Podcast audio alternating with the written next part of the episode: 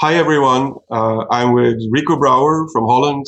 He's a pirate. I'm a pirate too. I'm a pirate from Norway. Um, and uh, we are going to interview a real, real uh, illegal immigrant uh, from Romania and Italia. She's a representative from the Italian, or a candidate for the EU elections for the Italian Pirate Party. So, uh, Diana Bargu, could you please tell me your, well, how you would like us to say your name and your profession and political experience, if any, uh, if any? Just go ahead. Okay, so uh, my public name is Cristina Diana Bargu. Uh, I have two names.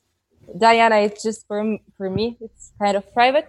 And um, profession is a hard question because I'm doing a lot of things uh, not so well, but I'm doing many things. Uh, I am I'm finishing my degree in statistics. I have an economic background, and I'm writing my thesis right now, or at least I'm pretending to do so. And um, actually, I'm in an eco village. So I'm in the eco villages movement. I'm uh, quite active in this, and I do write for a newspaper called uh, Italia che Cambia, it's a newspaper that is collecting all the interesting realities that we have on the on the territory because a lot of them do quite similar things, but we don't know how to connect them together. And uh, yeah, a lot of things like this. Ah, and I'm studying facilitation, process facilitation. It's called Process Work. It's a school that teaches how to deal with conflict, and I'm also translating for them. So kind of mix. And I'm living in a community that welcomes immigrants at the moment. Uh, it's quite nice. We have a lot of weird people coming and going, a lot of from uh, environmental um, environment. Can we say this? Environment. Yeah. Okay. so. Okay. So, um, could you tell me a little bit about the history of the Pirate Party in Italy, uh, if you know about it? Uh, if you don't know the history too well, you could tell us a little bit about how you uh, stepped into the uh, pirate party, how you became a pirate. Uh, I became a pirate because my brother is a nerd. and he told me about you many years ago. But at the beginning, uh, Pirate Party was kind of closed in, in Italy. And I think that now they are doing a lot of steps to include other voices and other people who don't have similar skills. And it was very nice. They showed the, this capability during uh, this last month because they involved also social assistants that are very involved into activism about this uh, disability. They involved me. Uh, they involved, uh, I don't know, a lot of people from radical movement in Italy came in. So we have different influences right now, and we hope that through these elections we will attract more people that uh, have interested uh, in, interest in our values and uh, and can add something new. Okay, very cool. What causes or, or uh, and things in, in politics are closest to your heart? What do you care most about? Uh, of course, about migration. this is quite obvious, and environment. And as I'm part of all of these alternative movements, I would like to bring also a different way to deal with conflict and to be together and to also some methodology some new ways to connect you know be, uh, between human beings you know not just fight you know i have the better idea.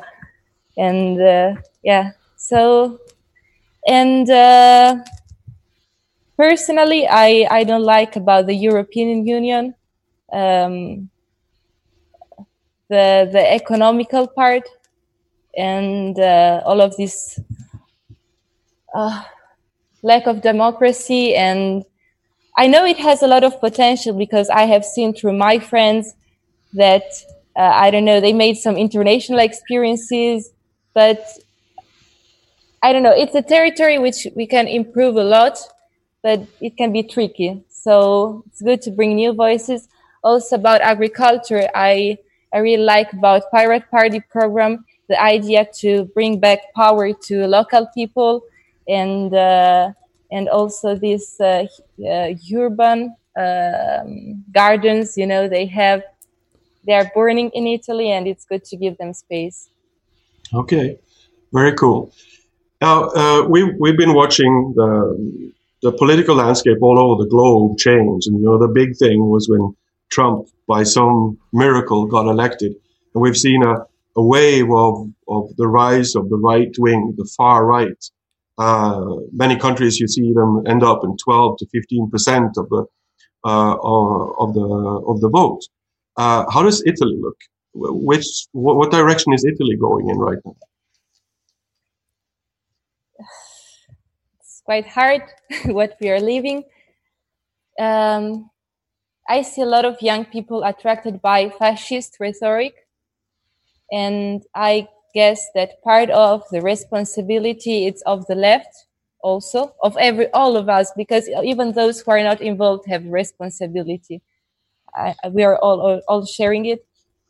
But what I, I i think it's dangerous is that polarization is getting bigger and bigger and there is no space to find anything in common because there are no more common places in which we can meet different people and all of the you know better than me that the bubbles are are improving this this division. And yeah so it's quite dangerous. But i'm sure that if we kind of um, find a different approach to communicate we can transform this anger into something good. I don't think populism is only a threat but it also contains opportunities. And about this i just finished reading um, uh, william davies it's a writer for the guardian he wrote yeah. this beautiful big uh, uh, book, um, uh, Nervous States How Feelings Took Over the World. And I guess this is very inspiring for a good guide on what to do in this moment. Yeah. Yeah. Very interesting. Uh, a little bit of more of an inclusive way of thinking, and and it's interesting you, you say that uh, that there's potential in, in populism, and, and it's only not bad, uh, just bad right now you made me think, uh, and that's good. Uh, it's good that you came here and made us uh, made us all think. Um, what number on the list are you uh, for the? I am the first one in the south, the second one in north uh, west, third one in the I- Isole Islands. Yeah. Uh, fourth one in the northeast, and seventh in the center. I'm okay. everywhere. so how do you how do you make your chat? How do you think? What do you think about your chances to actually getting into the European Parliament? Is it possible? Uh, nothing is impossible, but it's quite improbable. That's what I would say as a statistician. yeah. Look, is that looking at the polls, or, or why? Why do you say that? Um, because of the bubbles. Like it's quite hard but the fact that we are improving slowly and um, it's not necessarily bad because if a lot of people comes all together it might be somehow dangerous because we don't have the energies to kind of you know grow uh, in an harmonic way. And i think it's good because we are attracting new people which are already quite close to our ideas but we have time you know to digest you know the new processes that are coming. And uh, yeah. Yeah okay. So let's uh, let's uh, let's dream let's dream for a while that uh, a lot of Italian uh, pirate party politicians gets elected to the member to the parliament of, of the EU what what would the Italian par, uh, pirates work the most on? What what would you focus on in the EU yeah the Pirate Party has a lot of competencies about internet, so I'm sure that um, they would work a lot with the lawyers we have, etc., on copyright issues. This is one of our main points, and uh, so uh, they were even speaking about creating the the human right of access to knowledge. So this is very interesting, and. Uh, and this i guess it would be the main focus on which we are already you know good at working in and on which we have a clear focus. Mm. So, um, I'm, I'm, a little bit running out of questions. Uh, Rico, do you have anything in particular you would like to ask about? Yeah, yeah. There's two things. So one is about the, that bubbles. We see that all all through Europe or e European Union, maybe. now, I, I, I participated in a debate yesterday, which was a fairly right wing, right populist leaning bubble. But uh, in Wakai, and we had a, we had a, a conversation on, on content. So I, I noticed people are beginning to be fed up with that bubble thinking at the same time. Is that happening in Italy as well? Mm-hmm. So is conversation starting, or how do you see that shift? I see that in the small realities in which I live, which are not representative, there are some slight movements in in creating contact and finding common arguments and common needs and creating from this.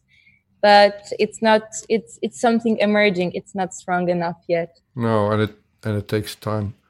And the other question is you you are an illegal immigrant from romania into italy.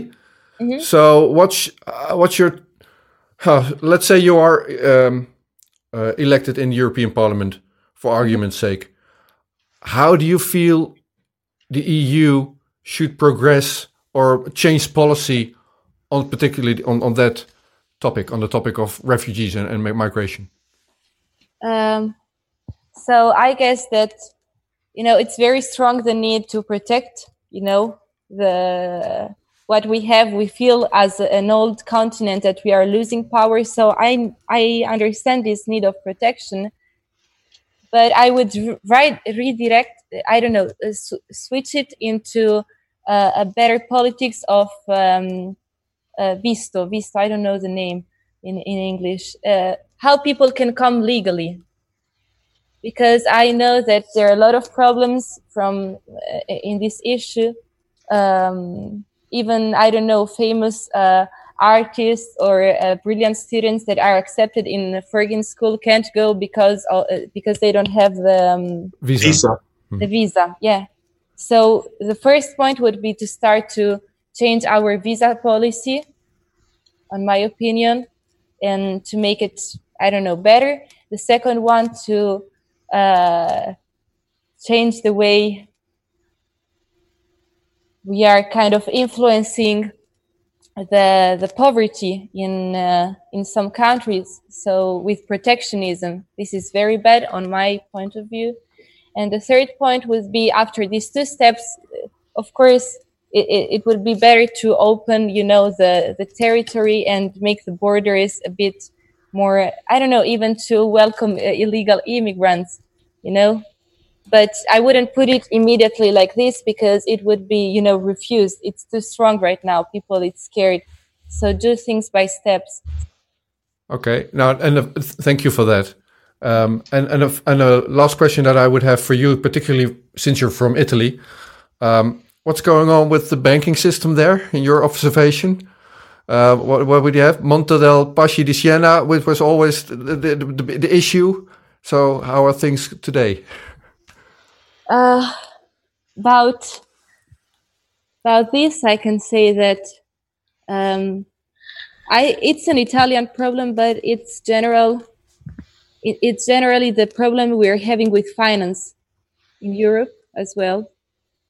And uh, it's about the fact that we are not giving ourselves some rules. And personally, I feel very close to the policy that Banca Etica, ethical, uh, it's uh, Italian uh, ethical bank, it's having. And I think that we should really systematically change our finance and do some uh, uh, training to, to teach to people how to understand what they are sold and to change the way um, we are organizing things because it's not sustainable anymore and there is too much divide between finance and about Monte Paschi di Siena it's, it's yeah the same thing, same way it's been for the last couple of years. Then. yeah. Okay. Okay. Thanks. So that, that will be my questions, Ray. Yeah. Okay. Um, if you don't want to say anything more, uh, Diana, uh, I think we'll end it here. Mhm. Is that okay by you? Uh, how do you say uh, good luck in Italian? Is that in bocca al lupo? In bocca al lupo, it's a way to say it, Mm. and it means in the mouth of the wolf. Ah, Uh, and a curious thing is that a lot of people say um, crepiu, that it's a desire to make the wolf die, but actually it's wrong because you should say thank you because Romolo and Remo, the founders of Rome, were quite safe in the mouth of the wolf, which is the kind of guardian. so uh, good luck with the elections and uh, say hello to all of the, your other pirate colleagues, and uh, we'll be watching. Goodbye for now. Best of luck. Goodbye. Thank you. Take care.